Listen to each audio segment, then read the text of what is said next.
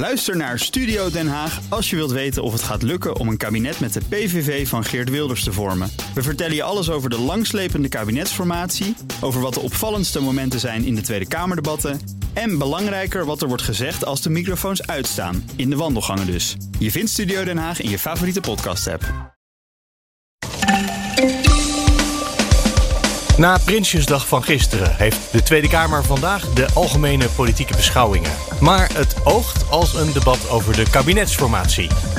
Het lijkt erop dat de problemen van het megagrote Chinese vastgoedbedrijf Evergrande niet exploderen zoals dat ooit bij Lehman in Amerika wel gebeurde.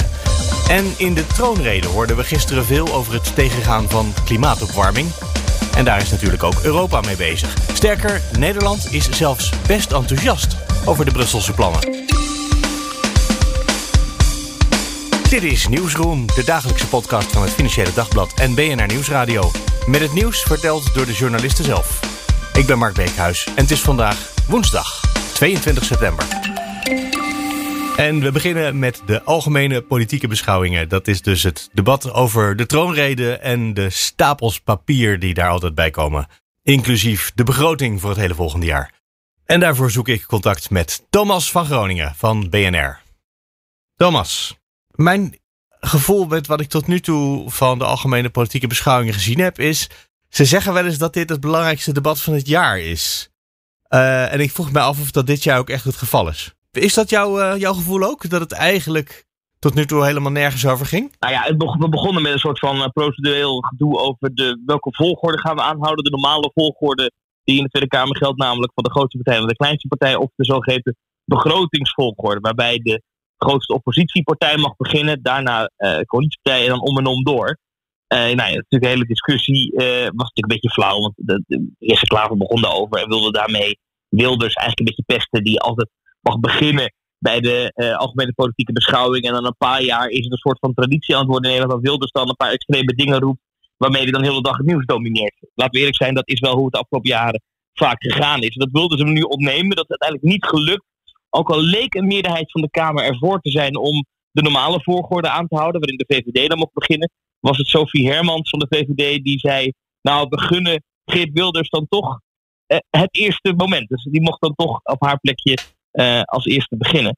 Um, ja. Is dit, uh, als ik het even uh, cynisch bezie, maar misschien is het niet cynisch hoor, ook heel fijn voor mevrouw Hermans dat zij niet als eerste hoeft? Want het is wel een beetje alle ballen op de VVD, toch? Vandaag nou ja, neem ik aan. Dat is de grote verwachting. Kijk, terwijl we dit opnemen is Wilders nog aan het woord, terwijl ik nu even naar hem kijk. Maar ja, de verwachting is wel dat het blok Sophie Hermans, dat dus na Geert Wilders zal komen, dat dat het blok wordt waar, uh, ja, waar alle pijlen op gericht zijn. gisteren in de wandelgangen merkte je dat al bij de grotere oppositiepartijen. Die zeiden nou, weet je, maak je klaar morgen. Want uh, Hermans krijgt alles over zich heen. Uh, alles van wat de VVD de afgelopen jaren fout gedaan heeft, daar mag zij zich even voor gaan verantwoorden. Want het kabinet zei immers toch gisteren in de troonrede dat ze hand in eigen boezem staken. Nou, wat vindt mevrouw Hermans ervan? Kom maar op. haar partij. ja. uh, dat is één. Twee natuurlijk, Sophie Hermans is de afgelopen dagen op pad gestuurd door die formerende partijen om achter de schermen een meerderheid voor de begroting te regelen. Om wat, uh, om wat deals te sluiten. Want uh, normaal gesproken heb je natuurlijk een coalitie die standaard een meerderheid levert voor, voor de begroting. Alleen ja, die coalitie die is er nu tussen aanhalingstekens niet meer, zei Rutte. Omdat de ChristenUnie natuurlijk voor het vertrek van mevrouw had gestemd. En die voor de motie van afkeuring, ik moet het goed zeggen. Nou ja, goed, dus, dus omdat het al een beetje broos is, die coalitie, was zij op pad gestuurd om meerderheden te, te vinden. Nou, je zag meteen bij de Partij van de Arbeid en GroenLinks, die zeiden, ja, maar we gaan niet in de achterkamertjes die begroting voor volgend jaar aftikken. Dat doen we in die plenaire zaal. Dinsdag of uh, woensdagmiddag. Nou ja dat, Ja. dat zou je nu dus krijgen. Dat Sophie Hermans zo meteen daar staat. En die krijgt natuurlijk alles over zich heen. Ook over hoe heeft u dit kunnen laten gebeuren. U wilde in de achterkamertjes het wel even regelen. Nou ja, daar zal ze een verantwoording voor moeten afleggen. En ze wordt gezien natuurlijk nu als eh, ja, eh, de, de nummer twee achter Rutte. Maar ook de opvolger van Mark Rutte. En je merkt bij veel partijen die willen afrekenen met de VVD. En zij krijgt dat nu voor de kiezer vandaag. Ja, uit wat je net zei, dat er eh, geen coalitie meer zou zijn. Ja, nou goed, daar kan je lange filosofische gesprek over hebben. Maar dat was ook precies de reden dat Jesse Klaver begon met... Maar als er geen coalitie is, dan kunnen we het ook niet op de begrotingsvolgorde doen. Juist, ja. Dan moeten we het op de normale volgorde doen. Ja, ja. Ehm, Nog iets interessants. Er waren twee, of ja, twee uiteindelijk Kamerleden. Uh, Pieter Omtzigt en uh, Lilian Marijnissen van de SP. Die allebei zeiden, wij willen eigenlijk weten wie er nou op het ogenblik in dat ministersvak, vak K, zitten. Uh, zijn zij nou een regering of waar praten we mee op het ogenblik? Dat is toch ook fascinerend, hè? Dat je zegt, de formatie die moet door het gesprek over de begroting van volgend jaar heen lopen. Ja, en je merkte gisteren al, uh, als je bijvoorbeeld Sophie Hermans hebt gesproken na de troonrede, en ook Rutte heb ik nog geïnterviewd gisterenmiddag, is dat, je, dat zij in hun antwoorden heel duidelijk een afbakening willen aanbrengen tussen het begrotingsgesprek in 2022 en de formatie. Dat is niet hetzelfde. Natuurlijk is het zo, als zal blijken dat bij die begrotingsgesprekken die je nu dus voert, als daarbij blijkt dat je goed kan samenwerken met bijvoorbeeld GroenLinks en de Partij van de Arbeid, dan kan dat betekenen dat dat een mooi signaal is voor een eventuele minderheidscoalitie VVD, D66, CDA. Om te weten, nou, we hebben in de Kamer wel twee partijen zitten met wie we goed zaken kunnen doen. misschien de ChristenUnie hebben we zelfs drie partijen met wie dat goed lukt. Dus in die zin is het vandaag ook een soort van formatiedebat. Maar het gaat natuurlijk niet over de formatie. Je zag meteen Pieter Heerma van het CDA vanmorgen meteen ook vrij duidelijk maken, ook in de Kamer. Dit is geen formatiedebat. Laten we het dan hebben over de begroting. Het gaat over waar gaat Nederland volgend jaar zijn geld aan uitgeven. Dat vond hij heel belangrijk om dat punt te maken. Nou, de VVD steunde dat meteen dat hij dat punt daar maakte. Uh, maar dat is natuurlijk heel ingewikkeld. Dat, dat is een soort van ongemakkelijke spagaat waarin politiek Den Haag nu verkeert. Aan de ene kant moeten we het nu hebben over de plannen voor volgend jaar. Hè. Het gaat over, eh, over, over, gewoon, ja, waar gaan de knikkers naartoe, zullen maar zeggen. Maar aan de andere kant, ja, uh, die formatie, die, die, die, ja, die zit overal doorheen nu. In alles wat er gebeurt. Dat was gisteren al, in de troonrede, iedereen op te letten, zit er misschien een hint in naar de formatie. Nou, dat viel wel mee, maar... En, en nu ook, deze hele begrotingsdebatten die twee dagen duren overal, iedereen die de politieke beetje volgt, zal ieder zinnetje analyseren met wat betekent het voor de formatie. Ondertussen lopen ze één voor één eventjes weer naar ja, de, uh, de, de, microfoons om voor een kleine interruptie. Dit ziet er onverwacht uit. Uh, moeten we heel even luisteren? Ja, kunnen we doen. Kijken wat er gebeurt. Ik weet niet of ik dat kan laten horen hier. Ah, ja, ja, ja, ja. Heb je al door wat ze aan het doen zijn? Nee. Meneer Wilders wil weer een eh, motie indienen in de eerste termijn. En dat mag eigenlijk normaal ah, niet. Maar het mag oh, wel als de rest van de collega's je toestemming geeft. En dat heeft hij al eens vaker gedaan. En de reactie van de collega-Kamerleden is: uh, nee, dit moet een uitzondering blijven. Gaan we deze keer niet toestaan. Dus Wilders die zit natuurlijk ook, uh, ja, die doet zijn best om het debat op te stoken. als ik het, uh... nieuwe verkiezingen.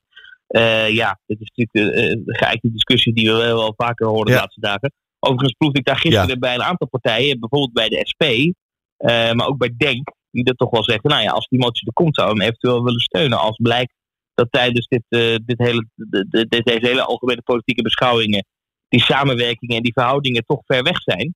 Uh, en dat toch allemaal, allemaal niet goed ligt in politiek Den Haag. En het wil allemaal niet lukken. En er is geen uitzicht op een, op een snelle formatie. Bam, nieuwe verkiezingen. Er lijkt geen meerderheid voor. Ja, maar hebben wij niet gisteren onze minister-president uh, horen zeggen. Nog een paar dagen, dames en heren. Misschien op maandag of zo. Dan, uh, dan zouden we wel eens kunnen weten welke partijen er in de nieuwe regering gaan zitten. Hij verwacht een snelle doorbraak, ja. Dat zei hij gisteren bij de NOS. Later ja, een paar dagen heb ik hem volgens mij horen zeggen. En een paar dagen, dat is niet... Dat, nou ja, daar, dan ga je niet vandaag verkiezingen uitschrijven als je op maandag je coalitie nee, rond nee, dus men zal dat zeker afwachten. Dus dit is een motie die wil dus indient. Die waarschijnlijk toch niet gaat halen. Maar goed, ik snap wel dat hij hem indient. Want zijn, zijn achterban wil ook echt nieuwe verkiezingen. Dat bleek afgelopen week ook uit uh, een peiling van één vandaag. Maar inderdaad, Rutte zei dat gisteren. Wat interessant was, dat Rutte ook uh, um, dit ook echt gebruikte als argument in die vertrouwenscrisis. Hè? Want dat zou je bijna vergeten. Maar uh, de, de Nederlandse politiek verkeert in een vertrouwenscrisis. Er zijn heel veel mensen in Nederland nou. die zes maanden geleden bij een enquête nog invulden. Ik vertrouw de politiek. Die vullen dat nu niet meer in. En dat is echt flink, is echt gekelderd, kan je zeggen. Nou, daar confronteerden veel journalisten eh, Rutte gisteren mee. Ik ook. En toen zeiden tegen mij: Nou, ik denk dat we wel een oplossing hebben voor die vertrouwenscrisis. Namelijk snel een nieuw kabinet met een regeerakkoord met Elan. Nou, toen begreep ik niet helemaal wat hij bedoelde met een regeerakkoord met Elan. Maar hij zegt uh, dat hij daarmee bedoelt. Elan in een regeerakkoord is als je dus al die thema's die nu zo belangrijk zijn, oplossen van de toeslagaffaire. Uh, klimaat, woningmarkt, uh, het afwikkelen van corona, het stimuleren van de economie. Als we al die problemen, klimaat, als we die uh, aanpakken in een nieuw regeerakkoord en als we dat snel voor elkaar krijgen, dan verwacht uh, Mark Rutte dat het vertrouwen in de politiek snel zal herstellen. Dus nu hij dat heeft gezegd, ja, heeft hij zichzelf wel echt een beetje vastgebonden aan.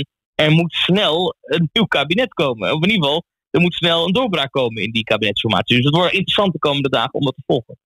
Zitten trouwens, want er zijn gisteren weer twee uh, nieuwe ministers uh, bekendgemaakt. Zitten die ook in het vak K mee te luisteren nu de hele dag? Of komen die pas over een tijdje? Hoeven ze dit allemaal niet uit te zitten? Wat ik zie zitten er alleen de vicepremiers uh, en, en, en Rob Koekstra, de minister van Financiën. Ah, natuurlijk. Dus het is natuurlijk de corona-setting, yes. omdat je anders ja. te dicht op elkaar zit. Zeker. Veel te dicht ja, bij elkaar. Ja. ja. Nee, daar ontsnappen ze dan toch wel mooi aan. Dat je niet zo'n hele dag in die bankjes hoeft te wachten tot iemand anders de Kamer antwoorden gaat nee, geven. Nee, precies. Dat is, uh, nee. en, en ik begreep bij andere partijen, want ook de, de, bankjes van de Kamerleden zitten niet vol.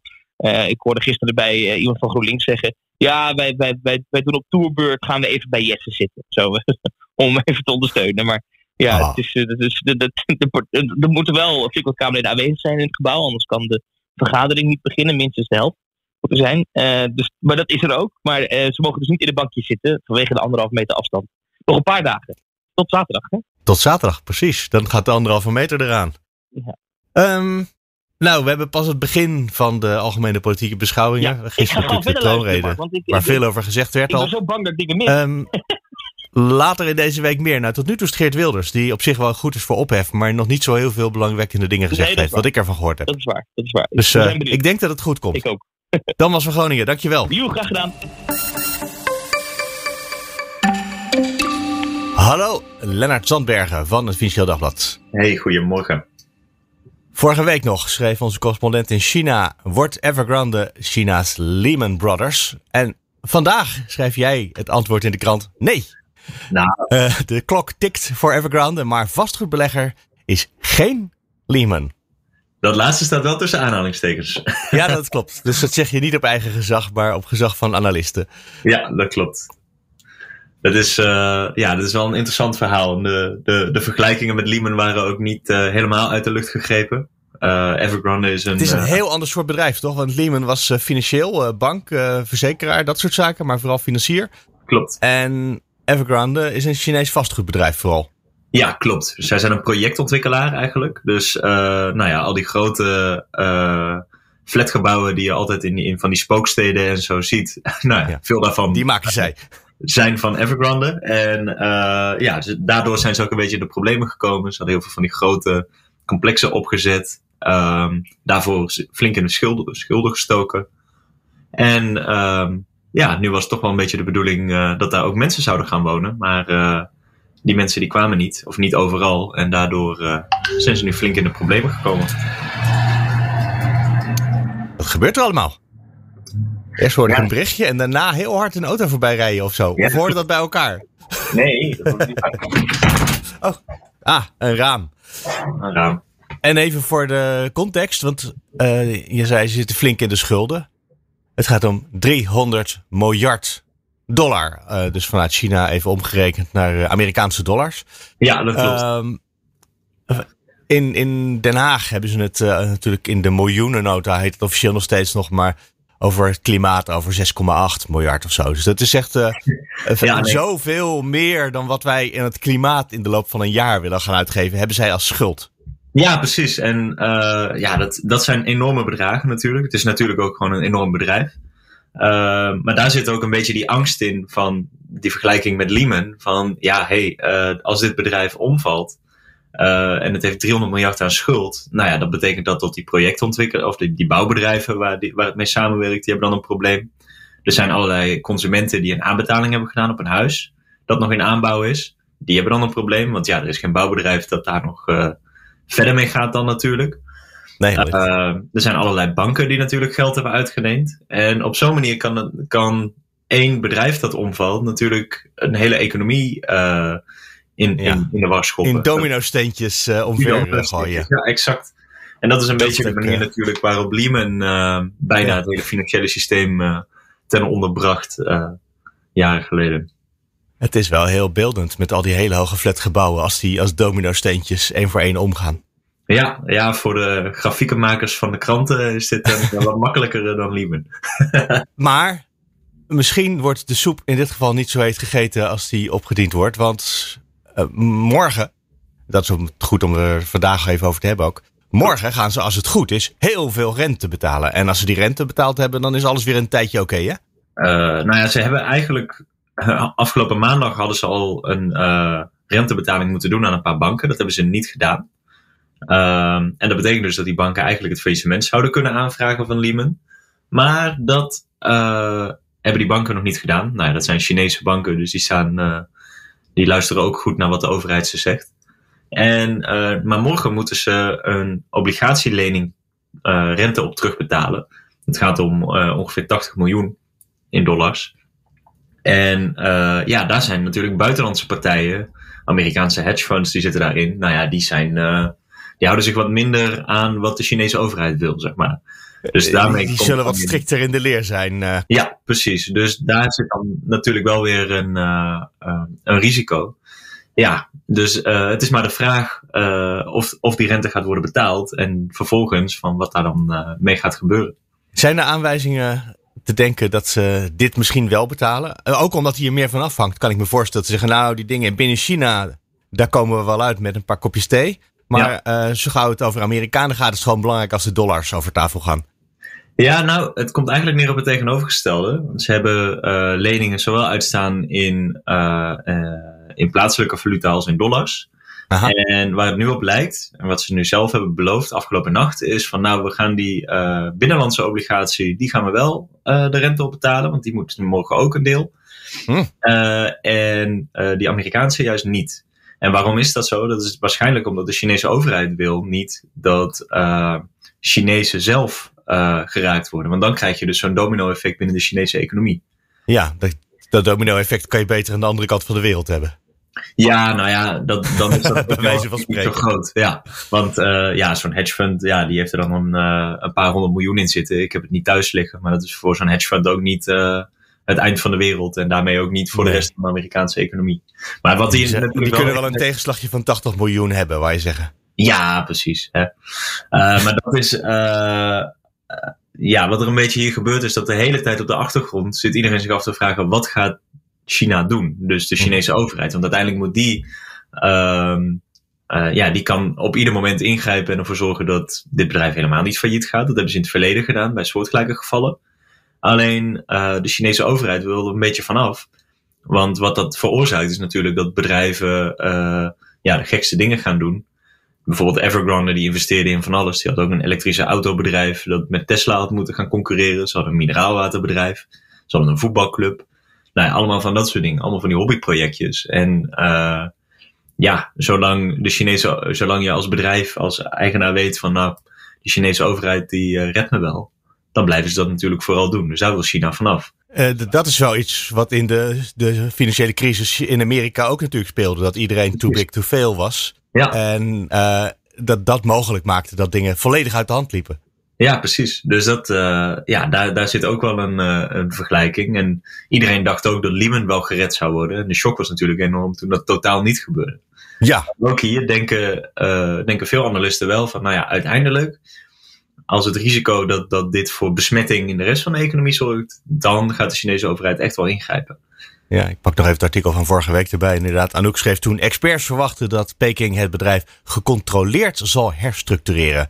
Kortom, helemaal uit elkaar halen en ja. dan op de een of andere manier uh, de schade beperken. Ja, maar goed, er, er zit wel wat onzekerheid in. Dus wat je eerder deze week zag, maandag uh, gingen de aandelenkoersen wereldwijd eigenlijk onderuit. Dat begon in, uh, in Azië.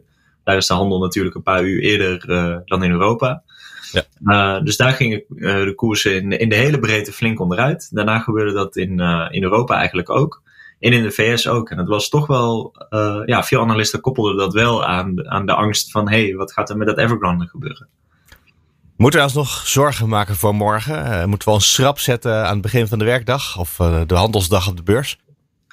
Nou ja, het gaat wel een ding zijn waar beleggers zeker heel goed naar gaan kijken, ja. maar goed, dat, zegt, dat is, klinkt heel, heel bescheiden als je het zo zegt. Dus niet dat je zegt, we moeten, ja, we moeten met paniek aan de dag beginnen, want we weten echt niet wat er gaat gebeuren en het gaat wel om belachelijk veel geld.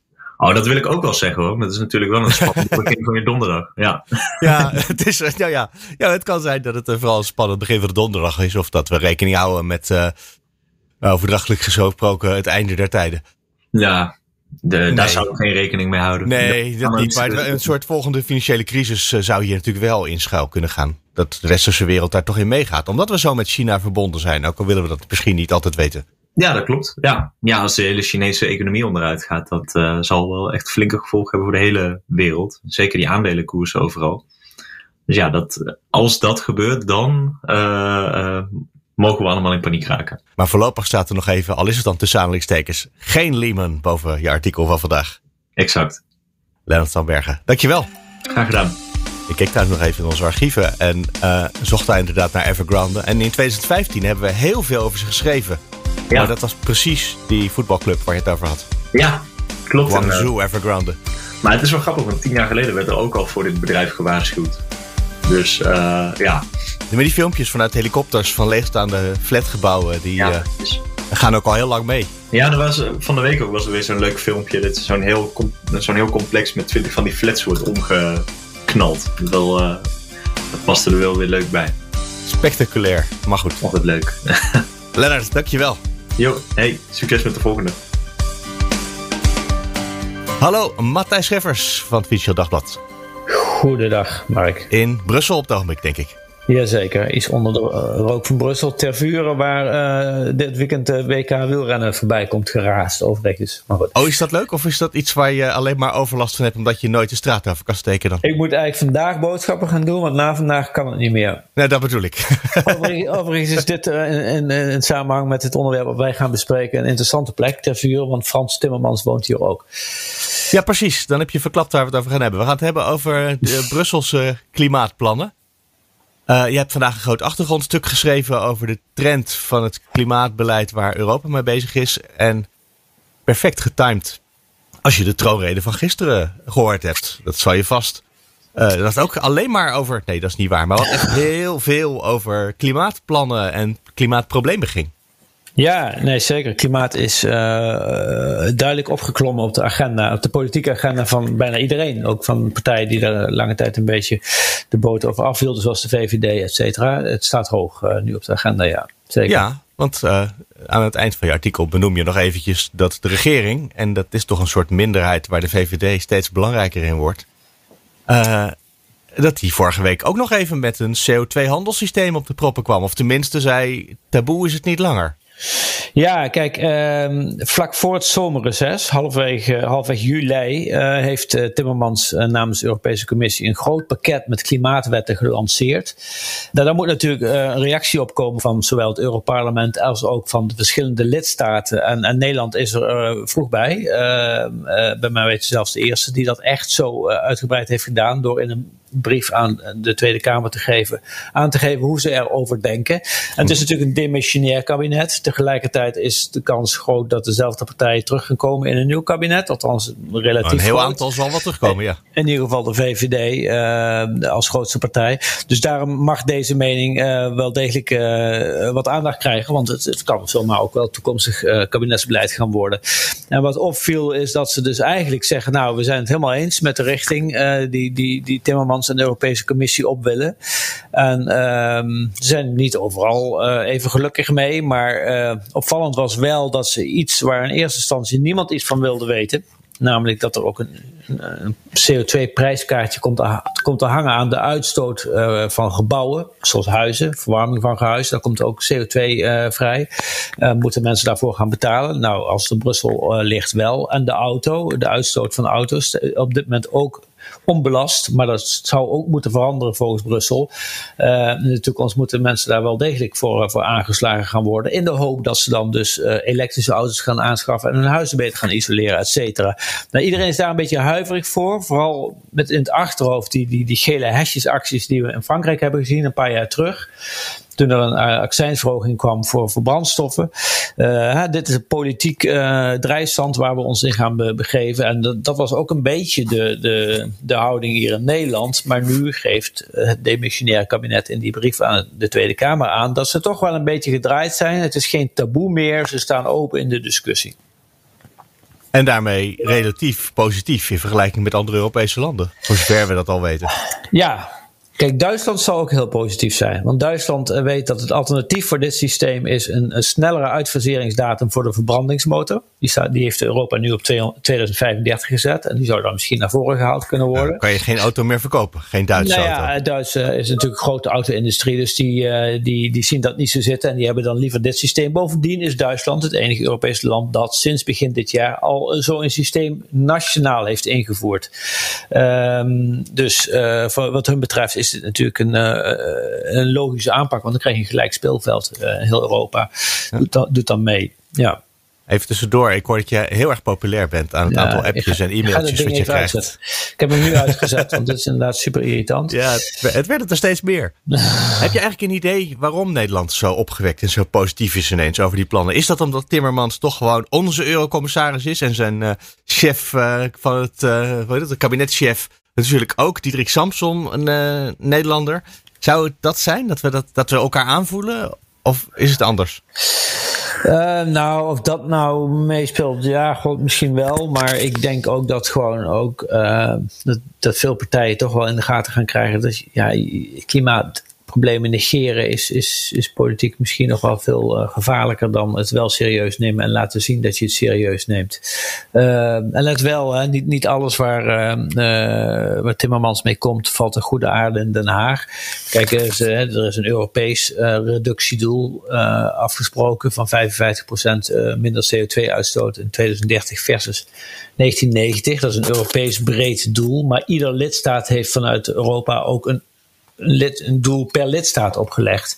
En voor Nederland is dat uh, op, op 48% uh, gezet. Maar bijvoorbeeld Bulgarije hoeft maar 10% reductie te, te bewerkstelligen. En Nederland zegt, ja, dat, dat, dat gat is veel te groot. Dat, dat, dat moet dichter bij elkaar komen te liggen. Daar zijn we het niet mee eens. En zo zijn er nog wel wat dingen waar Nederland niet, niet mee eens is. Maar... Ja, dat is natuurlijk altijd, als je een groot plan hebt, dan heeft elk land heeft zo zijn eigen problemen. Maar ja, daar, daar staat uiteindelijk de onderhandeling tussen eerst de Europese Commissie die met het plan komt, uh, dan de, de, regeringsleiders, maar natuurlijk ook het Europese Parlement. Gaan die ja. hier eigenlijk uh, enthousiast op reageren? Dat begint nou, natuurlijk nu ook, dat feest. Ja, zeker. Nee, je, hebt, je hebt inderdaad drie, uh, je hebt inderdaad drie instituten die hierover gaan. De Europese Commissie doet een voorstel. Het parlement uh, gaat dat proberen te amenderen natuurlijk. Uh, met, met, met van alles en nog wat. En, en de, de lidstaten gaan ook. Ik, ik weet werkelijk niet hoe ik dit moet stopzetten hoor. We laten het. Dat is goed. En de lidstaten die, die, gaan, dat, die gaan dat ook doen. het parlement heeft vorige week ja, een debat, noemen ze dat dan, gehad met Frans Timmermans bij je kunt het nauwelijks debat noemen. Timmermans opent zo'n uh, sessie, zegt wat over zijn plannen. Dan komen er een hele trits aan Europarlementariërs die ook wat zeggen en vragen opwerpen. En dan komt er, uh, Timmermans sluit het dan nog even af met wat afluistende statements. Dus het debat vind ik dat niet. Maar in ieder geval kon je wel heel duidelijk zien hoe de verschillende partijen uh, in het Europese parlement daarover over denken. Waarbij ik dus heel erg opvallend vond dat de grootste fractie, de christendemocratische fractie, waar de CDA en de ChristenUnie ook lid van zijn, uh, die lieten bij, bij monden van de Duitse Europarlementariër Peter Lies uh, zeggen dat ze eigenlijk een prima plan vonden van de sociaaldemocraat, toch, uh, Frans Timmermans. Dus dat is echt wel een opsteker voor, voor hem. Het is wel, wat ik zeg, het is een Duitse Europarlementariër die dat zei. En ja, ik heb je net uitgelegd, ja. die, die staan er nu eenmaal in, zolang hun auto-industrie er maar redelijk goed uitschiet. maar je ziet dan ook de, de liberalen, waar de Fransen een grote vinger in de pap hebben, die zeggen van ja, dit, gaat niet, dit gaan we niet doen. We gaan met een alternatief voorstel komen. Dus die strijd die, die moet ook nog geleverd worden. Ja, ja ik zag in de afgelopen week ook al een. Uh, volgens mij was het uit Italië. Uh, waar ze zeiden: ja, we vinden het heel belangrijk dat Europa met deze plan aan de slag gaat. Maar kunnen wij voor de Italiaanse auto's dan toch niet een uitzondering krijgen, alsjeblieft? Nou, het was nog, het was nog iets, uh, niet zozeer voor de alle Italiaanse auto's, maar voor de luxe auto's, de Ferraris ja. enzovoort. Want daar ja. worden er zo weinig van gemaakt dat maakt niet uit als die CO2 blijven uitstoten. Dat is het verhaal. Ja. ja. Ik denk niet dat ze daar in Brussel heel erg gevoelig voor zullen zijn, maar ja. maar het is, het, echt, het is wel tekenend voor waarschijnlijk hoeveel landen zo'n discussie ingaan. Die denken, nou, voor Ferraris kunnen we, daar kunnen we misschien onderuit. Ja, nee, dat, dat, dat gaat, daarom wordt het nog een hele zware dobber. En kijk, al die maatregelen bij elkaar opgeteld moeten ervoor zorgen dat de CO2-uitstoot in 2030 55% lager is dan in 1990. Als je er eentje uit gaat halen of gaat afzwakken, dan zal er eentje andere, ja, andere moeten dan willen wij aangescherpt. Snap je? Ze moeten ja. met elkaar in balans blijven. Nee, maar dus- als de Italianen iets niet hoeven, dan willen wij iets anders misschien ook niet. Dus dat, dan gaat het meteen ontrafelen en het uit elkaar vallen. Precies. En ja, weet je, toch is dat commissievoorstel is een redelijk uh, uitgebalanceerd compromis van alle voor's en tegens. Dus ja, ik ben heel benieuwd. Er zal ongetwijfeld zullen er dingen gaan veranderen, een jaartalletje zal opschuiven, et cetera. Um, maar grosso modo. Uh, zie je bij Timmermans ook zoiets van, nou ja, zeg het maar, wat, wat dan? Hè? Uh, en dan ben ik benieuwd of de anderen tot een gezamenlijke uh, opstelling kunnen komen die ook daadwerkelijk ook uh, bij elkaar optelt tot die min 55 procent. Ja. En ja. of die liberalen misschien met een heel briljant plan komen. Wat kan? We wachten het af, ja. Oh, ik hoor nog niet heel veel verwacht ik daarvan. nee, het is een van de dingen die, uh, die interessant wordt. En natuurlijk het, het, Sociale Klimaatfonds dat opgetuigd moet worden. Dat is een Europees fonds dat, uh, dat arme bewoners moet helpen, arme burgers moet helpen om hun huis ook te isoleren en om een elektrische auto aan te schaffen. Nou, de, de vrees is dat wij dan hier in het Westen gaan betalen voor uh, Polen die nu nog op kolenkacheltjes zitten, et cetera. En dat is natuurlijk iets wat hier ook niet echt heel erg goed valt. Spannend nog hoe zich dat gaat ontwikkelen. En mooi dat dat zo samenkomt met net de troonrede deze week. Matthijs Schiffers, dankjewel. Graag gedaan. En dat was hem voor vandaag. Wil je reageren? Mail naar nieuwsroom.bnr.nl of nieuwsroom.fd.nl. Dat deden een aantal van jullie. Dank voor al jullie mailtjes, onder andere om mij weer fijn welkom te heten van vakantie. En ik pak het mailtje van Gert-Jan er even uit. Die mailt met de vraag... Waarom elke keer rechts tegen links wegzetten als invalshoek als het gaat om vertrouwen in de politiek? Want we kunnen een kabinet krijgen indien mevrouw Kaag de ChristenUnie gewoon toelaat. En dat klopt natuurlijk. Op het ogenblik zitten er ook nog ministers in de regering voor de ChristenUnie. En ik denk dat we het niet speciaal daar vaak over hebben, hoewel het wel regelmatig benoemd wordt omdat in eerste instantie de ChristenUnie al een beetje afhoudend was. Vond dat ze niet per se aan de beurt waren. Alleen als ze echt nodig waren en ook nog gewild. En met de opstelling van D66 ligt het dan niet heel erg voor de hand dat dat de gekozen route is voor de toekomst. Dus ik denk dat we bij dat soort keuzes voor een deel ook kijken naar hoe realistisch en hoe waarschijnlijk is het dat de huidige coalitie gewoon doorgaat. Een idee hoe dat er op het ogenblik voor ligt nadat de ChristenUnie tegen Sigrid Kaag stemde waardoor zij zich gedwongen voelde om af te treden. Nou goed, wil je ook reageren? Mail naar nieuwsroom.fd.nl of nieuwsroom.bnr.nl. De show notes vind je op bnr.nl slash nieuwsroom. En morgen zijn we er weer. Graag tot dan.